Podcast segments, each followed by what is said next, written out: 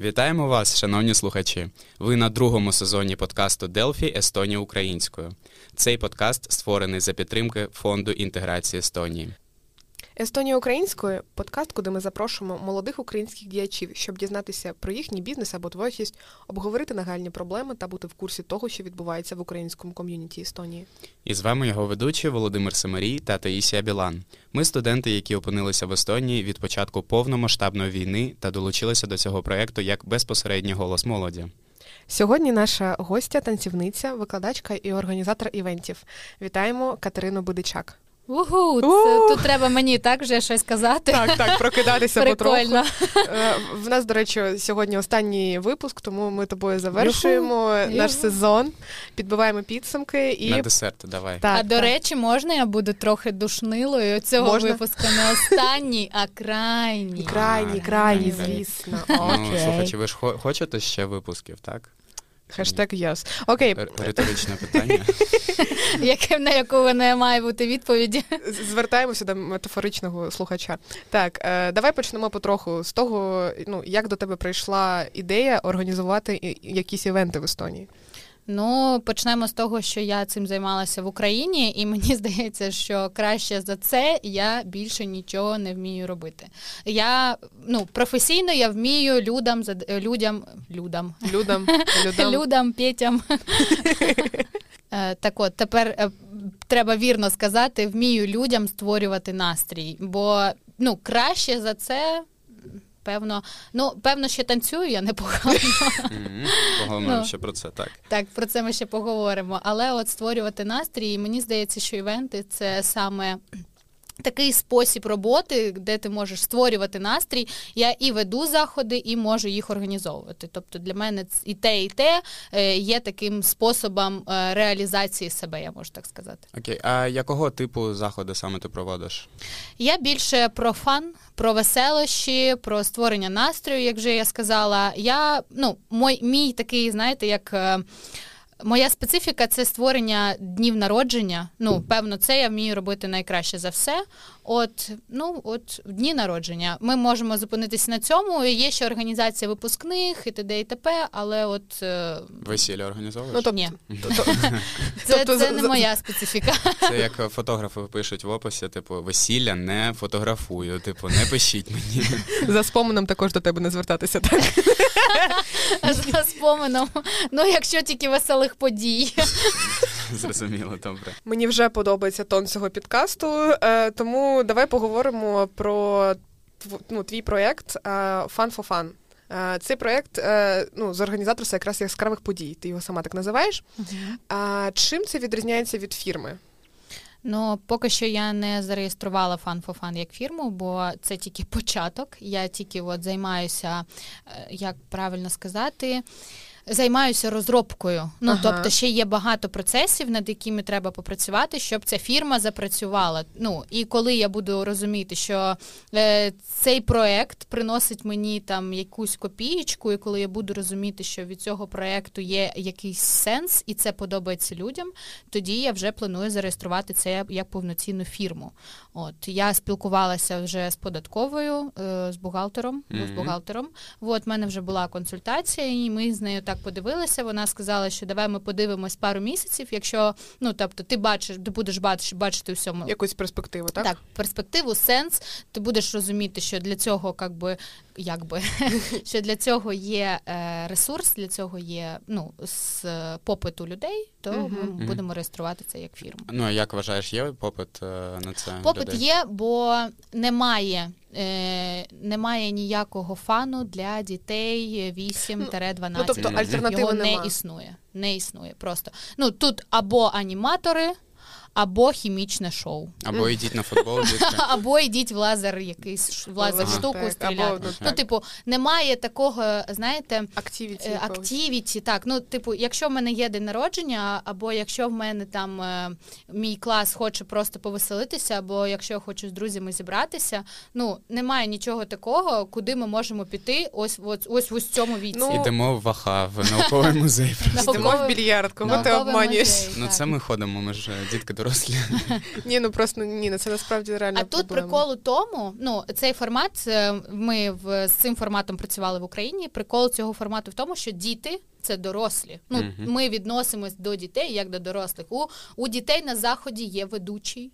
У дітей на заході немає аніматорів, є наставники команд, які працюють з ними. Є е, окремо звукорежисер, який працює е, і випускає звук. Ну, типу, діти приходять і вони все, вони дорослі. Ну це прикольно. І вони там на святі. Вже ми дивимося по, е, по моделі е, цього свята. Там вони заробляють лайки чи якісь може кошти. Ну, типу, що вони роблять. Вот. Ну, зазвичай це лайки. Вони заробляють лайки на протязі всього свята, і у кінці Тобто вони там обмінюють їх на якісь Ти створюєш штуки валюту, типу, і в моменті Ну, вони заробляють. Ну, так, в моменті так, ігр. так. О, ну це Ми, ми зрозуміли, тобто, коли ми працювали в цьому форматі в Україні, ми розуміли, що це працює. І я просто наразі, так як я опинилась тут, я опинилась сама, і я розумію, що окрім цього я більше нічого не вмію робити, і мені нічого не подобається. Я вирішила спробувати реалізу- реалізувати це сама. Я- Як вважаєш, вдалося тобі? Ну, це тільки початок. Подивимось, десь через рік, через два буде зрозуміло. Ну я розумію, що перший рік, ось коли він буде, ну може бути важко. А може, це якось так влучно е, попаде у серця кожного, що всі будуть хотіти собі це свят. Я не знаю, як це буде. А в тебе вже команда є зібрана, так? Е, В мене є входить? люди, які знають про цей формат, які вміють у цьому форматі працювати. Я раніше е, працювала у фірмі Тую. Ну, ми з ними там організовували, робили проекти. Дуже круті ребя, е, р- дуже круті хлопці, хлопці, дівчата, і ми з ними створювали такі івенти. І я якби внесла трошки цей формат. Але я зрозуміла, що от хочу робити його сама, хочу збирати свою команду, і ну якби ми сказали один одному bye-bye. чао, чао. Мгм. Ні, у хорошому сенсі. Тобто я зараз, е, ну якщо їм потрібна якась допомога, вони ну вони завжди мене щось просять, я допоможу. І навпаки. Ну тобто, і так, і так це працює.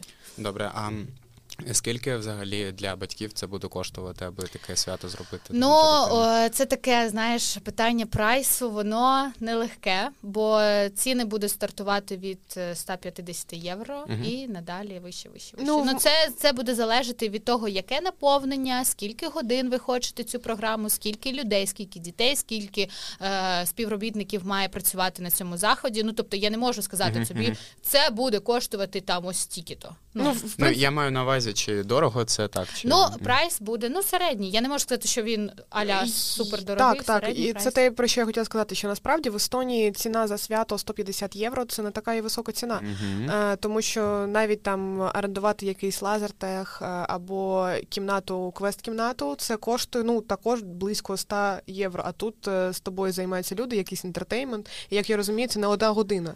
Е, ні, це, це тільки одна А, година. це одна година? О, так, це тільки ну, при умові, що це одна година. Ну тут треба ще включати у, умову, що є приміщення, тобто ще плюс приміщення. Ну тобто я не можу сказати, тип- типу, це коштує от стільки-то. Угу. Ну поки що, на жаль, поки я не зареєструвала це для податкової, Мгм. цін в мене не, Не існує. існує. Ти, ти альтруїст, я правильно розумію Так, зараз? ну, типу, ну як я можу сказати, це стільки-то? Ну ні. Ну, навіть е, в Хесбургер сходити, усіх е, дітей накормити, десь там 10 людей е, по 10 євро вже 100 вийде. Так, так, я про це і кажу, що насправді це непогана ціна. Е, окей. Е, тоді потроху будемо переходити до інших твоїх робіт. В мене їх багато. ну, У мене такий прикол був. Я збираюся, просто збираюся, пише моя подружка. Ну що ти, як ти? Я кажу, та збираюся на роботу. Вона каже, а на яку? на яку На яку з з- так. А ну в нас в нас просто є челендж такий, що ми запрошуємо багато гостей, і е, ми рахуємо, скільки е, робіт у е, Ну, кімнаті на- на три саме. людини. на три людини у цій кімнаті. Давай рахувати зараз. У Тасі я знаю, що є три роботи, Три роботи. Наразі. Я знаю, що в мене є чотири роботи наразі. Вже сім. Я йому, я йому заздрю, я, він вхопив. Наразі, наразі в мене багато таких, знаєш, підробіток, робіт. Я працюю і як тренер, е, викладаю танці, Один. займаюся потроху організацією заходів. Два. І є ще адміністратором. Три. Три. Прекрасно. Ну, нормально якраз. 10. Всього лише 10 робіт на три людини. Дуже добре. Ну, Тась, давай. Так, е, і ну, розкажи нам потроху, е, як воно працювати адміністратором і тренером. Ну, ти ж танцюєш ще також. Ну, в мене А. був досвід роботи адміністратором в Естонії. Ну, Ти ж не знаєш мовою, так, в мене уточнення. Якщо ти не знаєш мови, як, як з цим працювати? Ну, по-перше, я вже знаю трошки. О, що там, тере? Ну, тере плотно. Ні, не тере, ладно. Там тере і ще багато крутих слів. Терепляй вас ще може бути. Там, там багато, багато варіацій. І всі хороші побажання у третьому відмінку, як казала наша викладач естонської. Хіатих, тут хіатьот. Ну, коротше. Ні, я знаю трошки естонську, я вч- вчилася у мовній школі і паралельно там і працювала. Працювала там адміністратором. І так е, сталося, що я влаштувалася працювати в цю школу без знання естонської мови. Взагалі. Зараз всі, всі люди, котрі приїхали в Україну, такі вау. Естонію. Ой, в Естонію, перепрошую. Та й в Україну ті, які поїхали назад, да, естонську, да, да. такі вау, а так можна було так. Ну, типу, так, я працювала у. У державному проєкті від Туйтукас, і ця мовна школа вона якби створювала курси, на які люди реєструвалися від Туйтукас і приходили на ці курси. Ну тобто вони навчались якби безкоштовно, але за них е, сплачувала Е, Платила е, ця, ну, типу, каса. е, Каса по безробіттю, по- так. Так. Так. От. І, ну, по-перше, було дуже важко, якщо чесно, бо мені треба було працювати з естонськими документами. І в мене був е, трошки стрес, коли до мене підходять мої колеги і кажуть: ну що там, Катя, кінітоскірі вже прийшли? Я така, що? Що, що, хто там прийшов? Що, що, хто прийшов? Е, Ну- Ні, ні, він, він не приходив ще. І типу, Кать, ну що, а ти мудатуси вже розібрала? Я ніяких мудреців не Ну, бачила. коротше, ну, Ну, було... мудаки були вже, так? Та-та-та, приходили. Так? Ну, такого не було. Ну, коротше, це було важко. І коли я вже почала вивчати потрохи естонську, е, мені ставало легше поступово. Так я розуміла, що е, ці назви документів мають сенс. Ну, це типу не просто слова, якісь букви. Е, І потроху-потроху я так вивчала, і в мене була практика. По- По-перше, коли до мене підходили естонці і щось питали естонською, в мене відразу такий, знаєте, як ну, трохи страх в тебе є, і Так. ти такий. А kas te räägite inglise keelt. Це така фраза, котру я вивчила, і просто я нею так користувалася, коли треба було перейти на якусь іншу мову. Тому що ну, російською естонці, деякі естонці дуже класно спілкуються російською, але в них ем, є така штука, їм це ту. Те, Дуже також важко, важко. так, ну, це- і я їх розумію, бо мені також важко іноді естонською розмовляти. Або навіть англійською буває затупи. Та насправді. англійською то взагалі. Ну, коротше, так. Ну, без мови складно, але можливо. Бо ти потроху це вивчаєш. Ну, тобто, в, в моменті ти вчила мову, інтегруючись просто Так. без е, якихось там. Так. Ну, я зрозуміла тебе. Ну, в мене є ще такий прикол, я люблю навчатись. Ну, якщо ви не любите навчатись, то тоді немає варіантів. Я просто люблю навчатись. Мені Мгм. прикольно вчитись чомусь новому, і тому мова для мене це така штука, якою я користуюся в повсякденному житті, і мені прикольно її вивчати. І мені подобається естонська. Ну, Супер. так. Ну тобто зараз е, в тебе з естонською вже все ок, так? Е, наприклад, ось ти проект зараз будеш запускати, і тобі вже треба буде на естонців таргетуватися саме, так? Ти будеш Ну, їх залучати. Якщо вести захід естонською, то 100% ні. Якщо там треба поспілкуватися з якимось з якоюсь людиною, або є якась переписка в інстаграм, ну взагалі без проблем. Мгм. Ну тобто, в мене на, наразі ну типу Б1, але я вважаю, що в мене ще не Б1. Я здавала екзамен, здала його погано. Але здала. Але Все попереду, здала. так, так. Так, все попереду. Ну коротше, я про те, що якщо я живу в країні, і я вважаю, що мені потрібно спілкуватися мовою цієї країни, бо без цього без цього ти ну не інтегруєшся в середовище, і ти не зможеш інтегруватися в культуру, е, там менталітет чи інші якісь. Ну, це, в принципі, якась е, просто повага, мені здається. Це Це, до речі, 100%. дуже цікаву тему ми зараз е, зачепили. Е, як ти вважаєш, е, це саме повага, чи тобі треба для зручності вчити естонську? Ну тут е, таке, знаєш, 50 на 50. Ну тут, якщо чесно, ну можна обійтись англійською. Ну, Мгм. взагалі, Так, то так. ну велика, велика частина естонців знають англійську, і ну не треба там. Деякі вважають вчити естонську. Але мені для мене приємно, коли я звертаюсь до людини її мовою, її комфортною. Так, це виглядає смішно, але я все ж таки питаю. Ну і до того ж, я в моменті, ну от я зараз навчаюся в естономовному середовищі, і в моменті мені дуже приємно, як, е, якби я могла розуміти, про що кажуть мої там, ну е, мої одногруп, одногрупниці, одногрупники. Е, Просто коли я стою і вони спілкуються естонською мовою, вони переходять на англійську спеціально для мене. Mm. Але якби я могла їх розуміти просто посеред діла і там ну інтегруватися в розмову, це було б ну набагато легше і в принципі. А як допомогло. в тебе зараз з естонською? Е, з естонською в мене не те, не те, щоб погано, але не те, щоб добре. Я просто дуже важко е, вчу мови. Ага. Е, для мене це більш такий інтуїтивний процес. В моменті, навіть коли я поїхала з України, я не знала, що я знаю англійську, але виявилося, що коли ти захочеш ну купити собі бургера в Макдональдсі, ну ти почнеш... хеф ти згадаєш. Да, да, да, а там вже не тільки хеф, там і дідент, і діти, і там ну вся вся таблиця ну неправильних глаголів починається. Та, та, та, та, та, там вже все воно є. Е, але мені також дуже допомагає, що я в інтегрована в середовище. Е, в моменті іноді ми щось робимо з моїми е, сокурсниками, і вони такі: дивися, ця е, це кружка, вона так-то називається. І це там не знаю, двері, вони називаються так. І я така: о, дякую! Я як малича. Ну, я, я тут погоджуюся, бо в мене теж багато друзів естонців є, і дуже хочеться розуміти, про що вони жартують, і трохи чи, чи про мене. так. Ну, Я не про це. Я саме маю на увазі, що аби інтегруватися в менталітет, і дійсно це повага, ти хочеш хоч якось показати, що там ти вдячний і так далі. Дякую за те, що прийняли. Да-да-да. Сурайта. Сурайта. Yeah. А, Ну, давай тепер поговоримо щодо тебе як танцівниця. Uh-huh. А, Я теж танцівник, і мені дуже подобається питати в інших моїх колег, що для тебе саме танці, чому ти їми займаєшся? Танці це знаєш якесь вивільнення емоцій. Ну, типу, це таке щось внутрішнє. Ну, я почала танцювати ще з самого дитинства, і я відчувала це, і мені подобалось там рухатись під музику. І я розуміла, що для мене це якось. Дає якусь енергію, певно. Ну, як би то дивно не звучало, ти ніби танцюєш, вивільняєш свою енергію, але ти заряджаєшся цією. Ну, в моменті це ж дуже прекрасна сублімація, тому що ти якраз таки фізично, ну ти може можна сказати, виснажуєшся, але ти. А ти морально ти заряджаєшся. Так, для так, мене це, це сублімація, як будь-яке будь-яка mm-hmm. творчість. Тобто для тебе це джерело енергії так. саме. Я думаю, джерело енергії, натхнення якогось і вивільнення емоцій. От а викладання що для тебе? Е, спосіб заробітку чи тобі подобається? Ні, це моя віддушина. Я я, я дуже люблю когось чомусь навчати.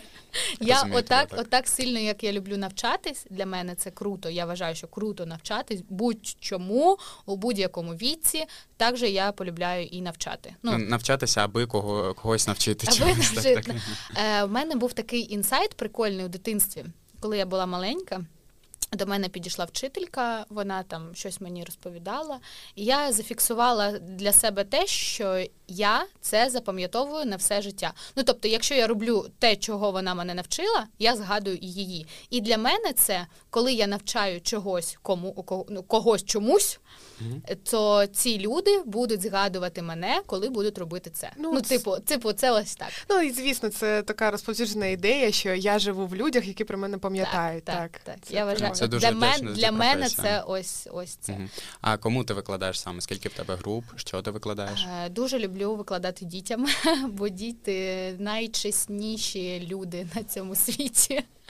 Вони вони ніколи не приховують емоції, і вони чесно кажуть, якщо їм щось зрозуміло, не зрозуміло, подобається і не подобається. Ну, дивлячись, які діти малеча саме ти маєш на увазі? Якщо ну, якщо чесно, я викладала в Естонії трьохрічним дітям. Боже. Це найкрутіші малі, так, котрі от, в мене вони були. реально дуже дуже прямі і дуже ну вони а тобі реально скажуть тебе все. взагалі. Взагалі круто розуміли. Та, ну, а і що взагалі там? круто бачити результат. Ну тобто, всі вважають, що якщо е, ну, дитина трьохрічна, то типу, ну що вона може зробити? Mm. А трьохрічна дитина взагалі-то вона круто аналізує, вона круто робить і ще й повторює за тобою. Ну я розумію, в мене є такий підхід до дітей. Я розумію, коли вони починають. Ем, бешкетувати, їм стає е, не нудно, а вони е, пум-пум-пум устають.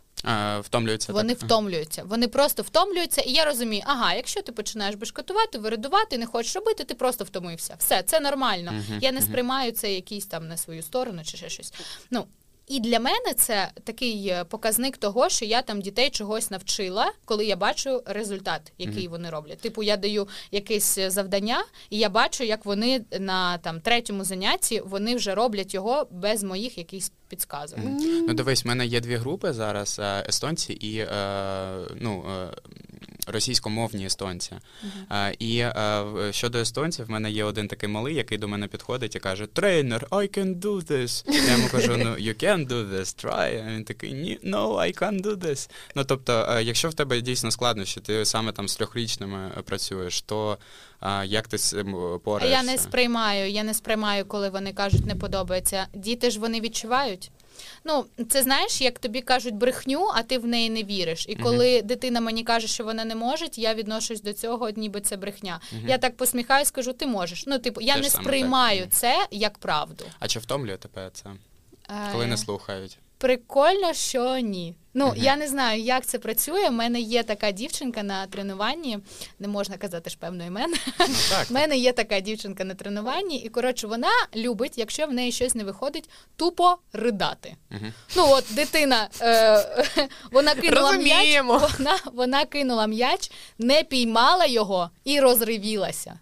Як же я вірю цій дитині, Боже, ну Боже. Е, лапонька я просто моя. кажу їй, ну давай, давай ще. Вона та ні, в мене не виходить. І ну я потім вже міняю завдання. Ми ж не будемо м'яч всю е, в- в- все тренування так, кидати. Так, Дякую. Ура! От і я кажу: ну все, наступне завдання, і на наступному тренуванні вона кидає, вона його ловить, і все окей. Ну, отак це. І можна це навіть не плакати. І А до речі, стосовно розуміння, е, я просто згадала мою найулюбленішу фразу, що я прекрасно розуміюся з естонськими дітьми, бо рівень естонського в нас однаковий. Тому ну, О, в мене було. Ну так. Е, ще така штука, якщо на тему е, бешкетування, от коротше. Це такий інсайт більше для батьків. Якщо дитина бешкетує поруч з вами, то дитина вам довіряє. Ну, дитина поводить з собою, поводить себе чесно по відношенню до вас. Вона дозволяє собі показувати емоції. Ну, так. І коли дитина бешкетує на тренуванні, це для мене о, прикольно, ти мені довіряєш. До речі, дуже цікаво, е, то я колега моя сказала таку е, думку, бо е, є ж вираз такий, що е, чому саме дитина з мамою себе веде не дуже добре, а з бабусею там чи з татом такий, типу, все, все, я все виконую. Вони такі, а що з тобою вона така неслухняна? Бо вона ж розслабляється якраз з мамою, Бо вона їй чесна, більше чесна. Ну, довіряє. Просто в принципі емоція такої вередливості це ж від того, що ти ну що- тебе приймають будь-яким. Мгм. Тому я ну. Напевно, іноді навіть люблю, коли діти починають бешкотувати. Я думаю, ну от ти, ти, який ти мене Так, в цьому, в цьому є якийсь сенс. Ну, якщо від, до цього відноситись так, ну і не відноситись до цього, о, ти не мене не слухаєш, ай-яй, то, типу, це все якось воно саме остаканюється, І дитина бачить, що ти ну, на це не реагуєш так, як о, ну, міг би відреагувати. угу. І довіряє тобі ще більше, бо вона бачить, що в цьому не буде проблеми, якщо він буде вести себе е, чесно по відношенню до тебе. Окей, а що ти дітям викладаєш? Які стилі? І Якщо казати про трьохрічних, то там стилю не існує, там якісь базові штуки е, ну, щодо танців. Тобто ми з ними е, працюємо над тим, що вони знають, де право, де ліво, як сісти в жабку, як сісти там в метелика чи ще щось. Ну, типу, вони такі базові речі. Е, я викладаю ще в студії. High Life е, викладаю ще функціональну розтяжку. А Там ми більш працюємо над такими штуками, як суглоби, і більш це така, знаєш, розтяжка не про стрейчинг, як ми звикли, а це більш таке про здоров'я. Угу, угу. Аби просто підтримувати себе в тонусі. Підтримувати себе в тонусі, і треба, ну, якщо що. Зараз ми всі тут з вами дихаємо невірно.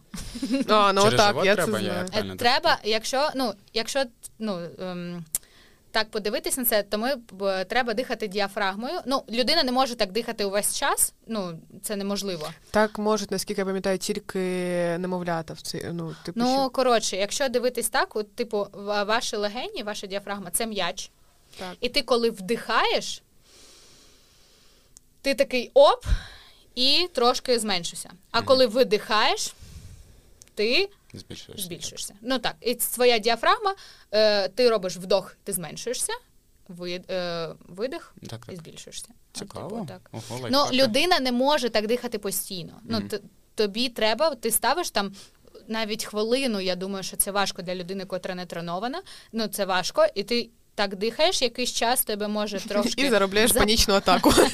може трошки запаморочитись голова. Так, це дійсно нелегко. Ну, це ти е, насичуєшся киснем, Киснем, саме, так? Окей, зрозумів. А якими стилями ти ще займаєшся? Е, мій стиль основний, е, котрий я викладала в Україні, це контемп, Мгм.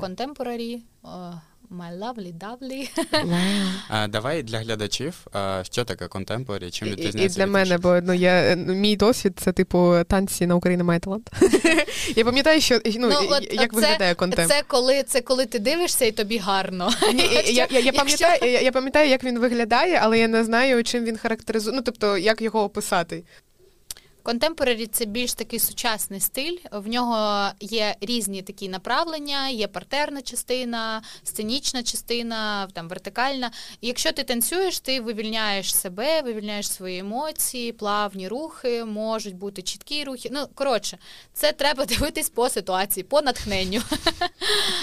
Ну, не, ну, це сучасний моменті стиль, який має багато-багато напрямків. Ну, Ага, окей. Ну, як ви кажете, в моменті, якщо зрозуміти, то це, то це е, люди, які в носочках танцюють. Так. То Це можна зрозуміти. Ну та лірична Люди. музика, взагалі, до речі, ось е, з танцівниками, які контемпом займаються, кажу: ну це ж коли ви там лірично танцюєте, там дуже повільно, вони такі ні, контемп буває, ще там Ні, буває і так далі. різний, я згодна повністю. Буває різний. Ну, є ще таке направлення, як більш модерн. Ну, там треба трошки розні- розрізняти. Так, ми так зариваємося вже. Куди, кудись ми вже йдемо. зариваємо себе. Зариваємо себе. Я вже ну, в моменті сижу така, блін. Ну, що? про це, про це можна знімати. Так, окремо так. Мені мож, мені здається, ми можемо про це дискутувати вічність, особливо із Вовою. Ну він тут він людинка танців... танців... Блін, ти відповідаєш за бізнес, за танці. За що ти ще відповідаєш? Ну, маркетинг. За там, себе. Маркетинг за, за за, себе. себе. Головне за себе. За, за те, відповідає. щоб мати чотири роботи. Дуже дякую. А, х- добре, хорошо. Скажи, скільки ти займаєшся вже контемпом саме?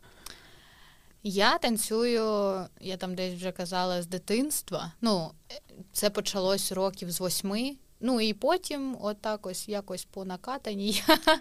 Ну, свідомо, я думаю, десь років ну, 12. Окей, окей, добре. А е, якщо новачку, скільки потрібно часу, аби е, навчитися танцювати вже добре? Ну, немає такого поняття, як добре. Не, ну, Завжди Давайте буде погано. пофілософствуємо вже так. ну, на кінець. Ну, я, я не можу сказати, всі люди різні, всі танцюють круто, всі люди вміють танцювати. Треба прийти на тренування з е, цією думкою, що я вмію танцювати. І пофіг, хто як вважає, добре чи не добре, круто чи не круто. Якщо ти будеш вірити в себе, то ти зможеш затанцювати у, будь у будь-якому віці, у будь-який час за будь-який час. Немає такого часу, за який ти можеш навчитись танцювати добре. Мгм, Окей, зрозуміло. А е, якщо щодо твого розвитку як е, танцівниці саме в Естонії, е, як ти вважаєш, чи добрий тут рівень підготовки і чи зручно тобі тут займатися? У, якщо у танцівників, я вважаю, що тут, тут є дійсно круті танцівники, як дуже круті школи. Я знайома з деякими керівниками. Е, тут є крутий о, рівень підготовки, але таких шкіл небагато. Угу. Але можливо, я про більшість таких шкіл, якихось якихось крутих просто не знаю. Це також можливо. Е, і ще було якесь друге питання. А, ну, твій розвиток як танцівниця саме. Ну, поки що це все в процесі. Ну, я вважаю, що ми що мій вік він більше такий не для розвитку як танцівниці, а більше для розвитку як для викладача. Угу. Ось тому як для танцівниці, певно, що мій розвиток трошки вже так. Ну для танцівника, так я стара вже. Боже, який жах. 35 ти вже все пенсіонер. В нас Але реально мені не 35. в нас е, судді, ну щодо брейкдансу, якщо казати, в нас судді, судді, типу, там 40 років, вони такі вже. І він досі танцює, типу, він такий старичок вже. А один чувак там у 50 просто крутиться на голові, і всі такі вау, як це зробити? Не проблема танцювати, проблема твого організму, що організм він зношується. І я відчуваю це вже по собі. Ну, типу, мені ще 30 немає, але я вже втомлююсь дуже сильно після тренування. І я розумію, що мій організм такий воу-воу, трошки легше. Ну не може вже витримувати ту е, нагрузку, яка то навантаження. Була, навантаження. Ну тобто у усьому у всьому свій час, так, якщо так. правильно сказати, і сподіваємося, всі будуть здорові, все буде добре. Хай всі живуть вічно, хай танці будуть танцюватися, хай життя буде житися, а ми будемо потроху завершувати. Опа. Дякуємо тобі, Катя. Ти прекрасна. Дякую вам, дякую. Було прикольно. Прикольно. Мені також подобалося, тому потроху завершуємо. Це був останній е, випуск другого сезону. Дякуємо, що що слухали наш і нас. Е, і наш подкаст добігає кінцю. З вами була наша чарівна е, Катерина Бидичак та Володимир і Таїсія. Цю та інші передачі було створено за підтримки фонду інтеграції Естонії.